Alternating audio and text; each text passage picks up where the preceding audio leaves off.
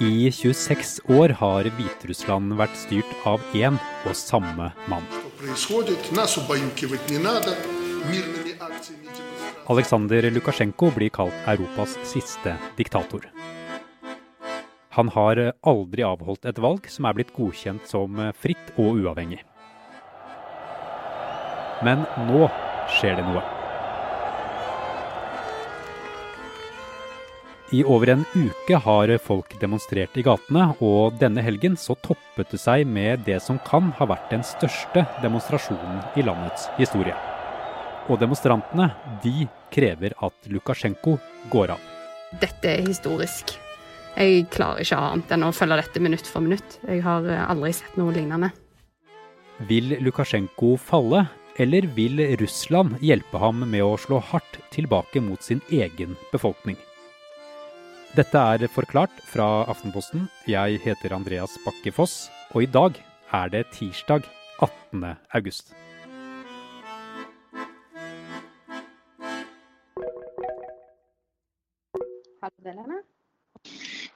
Der, ja. Kanskje nå? Kanskje nå, ja. Se her. Hallo! Aftenpostens korrespondent Helene Skjeggestad er tilbake i Moskva etter å ha vært koronafast i Norge. Men de siste dagene så er det ikke Russland, men det lille nabolandet Hviterussland hun har vært mest opptatt av. Og presidenten Lukasjenko, eller Lukasjenka som hviterusserne sier. For i Hviterussland har en helt vanlig kvinne havnet midt i kampen om landets fremtid.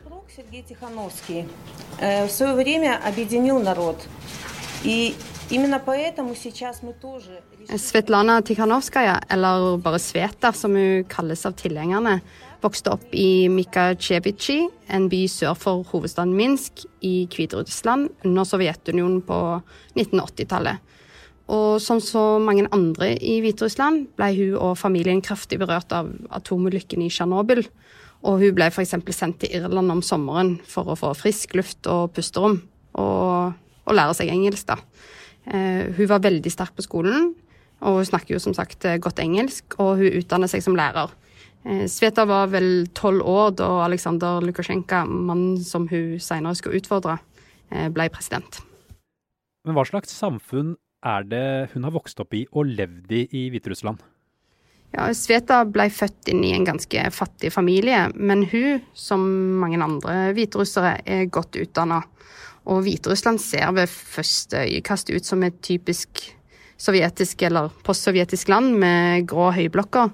Men det føles mye mer moderne og europeisk når man møter folk derfra, enn hva f.eks. jeg har opplevd litt utenfor byene i Russland. Og veldig mange hviterussere har støtta Lukasjenko tidligere fordi han sørga for stabilitet, mat på bordet, og han viste seg som en sterk leder. Samtidig så strammer han jo stadig skruen for det vi anser som elementære menneskerettigheter, som ytringsfrihet, frie valg, forsamlingsfrihet osv. Og, så og det er jo ikke uten grunn at han kalles Europas siste diktator.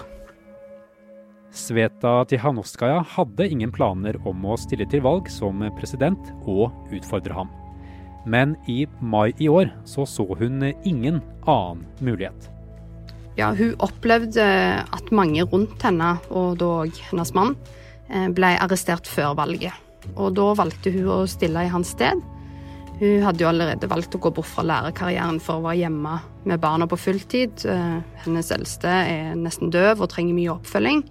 Så det må ha vært litt en avgjørelse for, eh, for husmora å gå fra det helt nære og velge å legge det til side og stille det som presidentkandidat i Hviterussland. Men hva var det hun eh, gikk til valg på som eh, presidentkandidat? Ja, Sveta gikk til valg på i hovedsak eh, tre punkter. Og det var at alle politiske fanger skulle slippes fri. Eh, og at det igjen skal innføres en makstid for hvor lenge en president kan bli sittende. Denne makstida fjerna Lukasjenko i sin tid. Og så sa hun at hun ville lyse ut nyvalg. Og dette siste var viktig fordi Lukasjenko har alltid kritisert opposisjonen for å ønske mer makt. Men det har da Tikhanovskaja sagt klart ifra om at hun ikke ønsker. Hun vil derfor utlyse et nyvalg med en gang hun blir president. Og søndag 9. august så var det valg.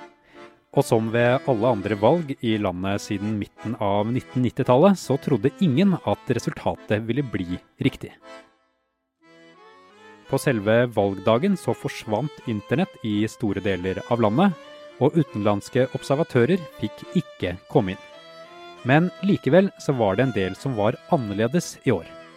F.eks. var Lukasjenko mer svekka enn tidligere pga. en ja, katastrofal koronahåndtering. Eh, og opposisjonen har da klart å profitere på denne misnøyen, og de klarte å samle seg om én kandidat, altså Svetlana Tikhanovskaja. Og istedenfor å be om at uh, de skulle boikotte valget, ba hun alle som støtta hun om å møte opp på selve valgdagen.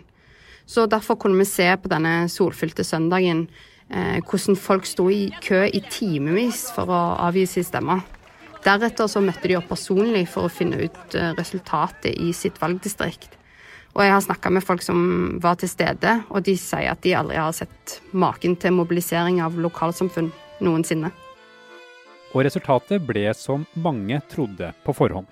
Jo, eh, senere samme kveld og, og, morgenen etterpå så utropte Lukasjenko seg selv til vinner av valget med 80 eh, Og med en gang da så starta demonstrasjonene.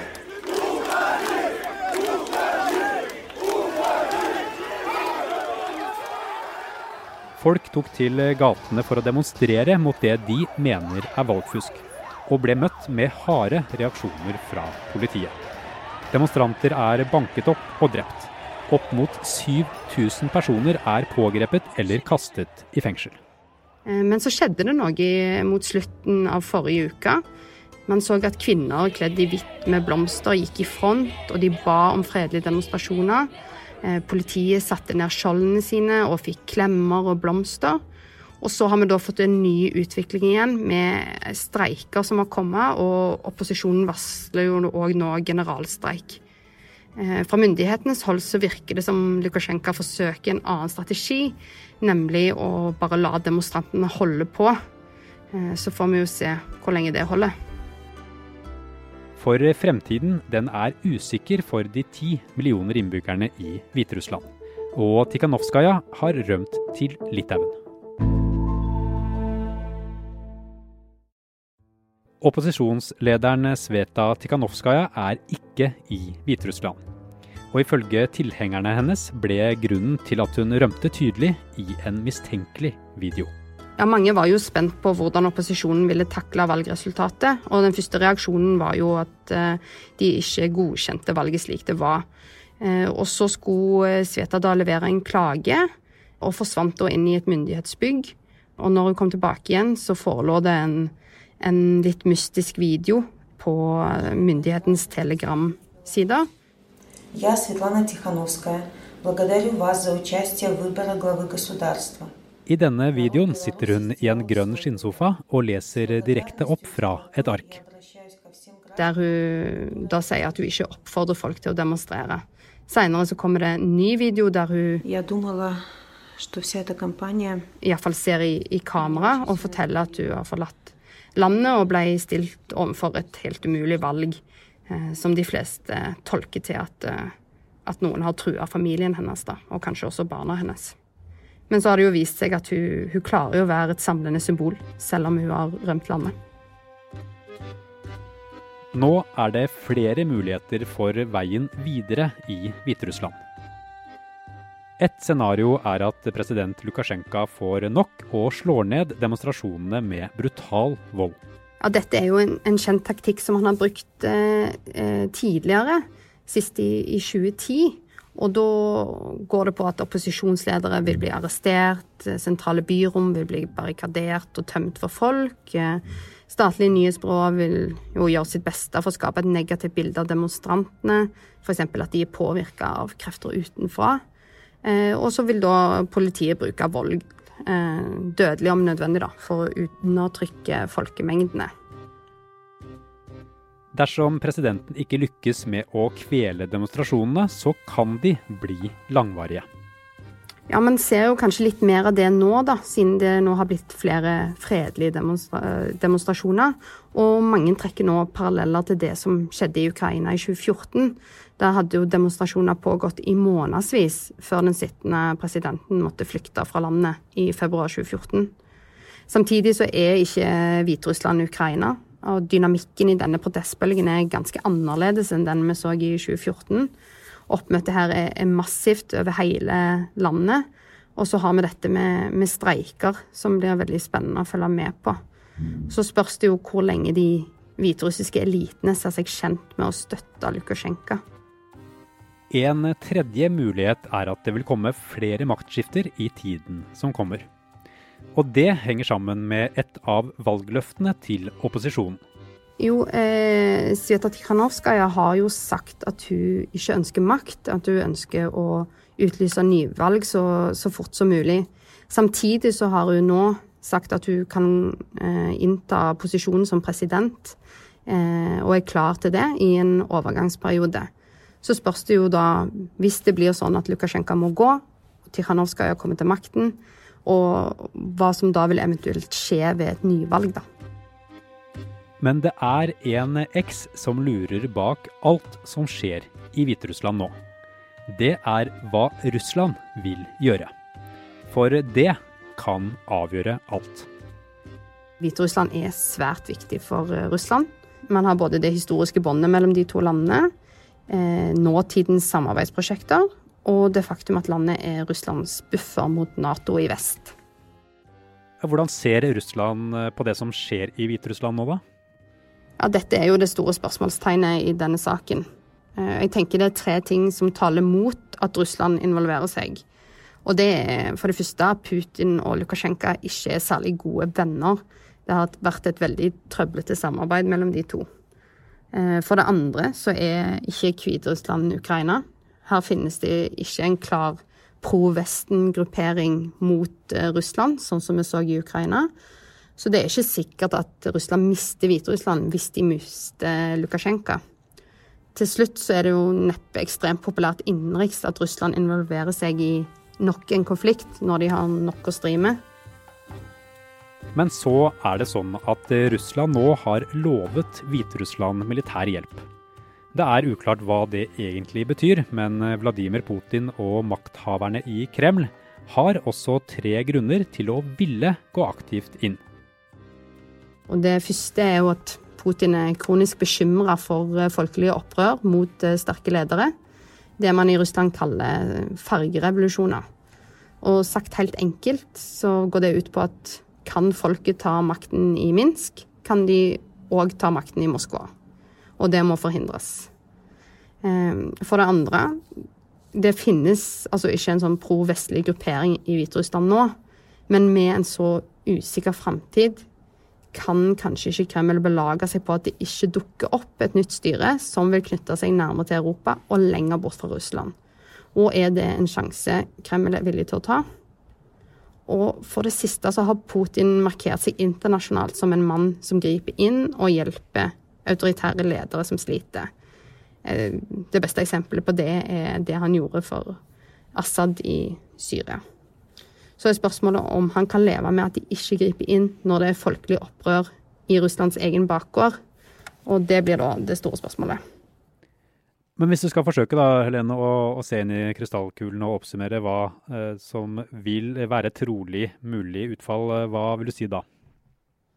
Ja, eh, jeg spådde jo i min tid at Ukraina aldri ville bli delt i to. Eh, det viste seg å være helt feil. Eh, så jeg skal være forsiktig med å komme med for eh, skråsikre spådommer. Eh, det jeg kan si, er at det, det ser mer sannsynlig ut nå enn det det gjorde for ei uke siden, at Russland kommer til å involvere seg i Hviterussland. Men hvordan og på hvilken måte, det er fremdeles helt åpent. Og hva vet vi om Sveta Tikhanovskajas fremtid i det her? Hun er jo først og fremst et symbol et symbol på et Hviterussland som ønsker seg en annen fremtid. På samme tid så, så vi i helgen hvordan hundretusener sto og ropte hennes navn. Så dette blir nok ikke det siste vi hører fra Svetlana Tikhanovskaja.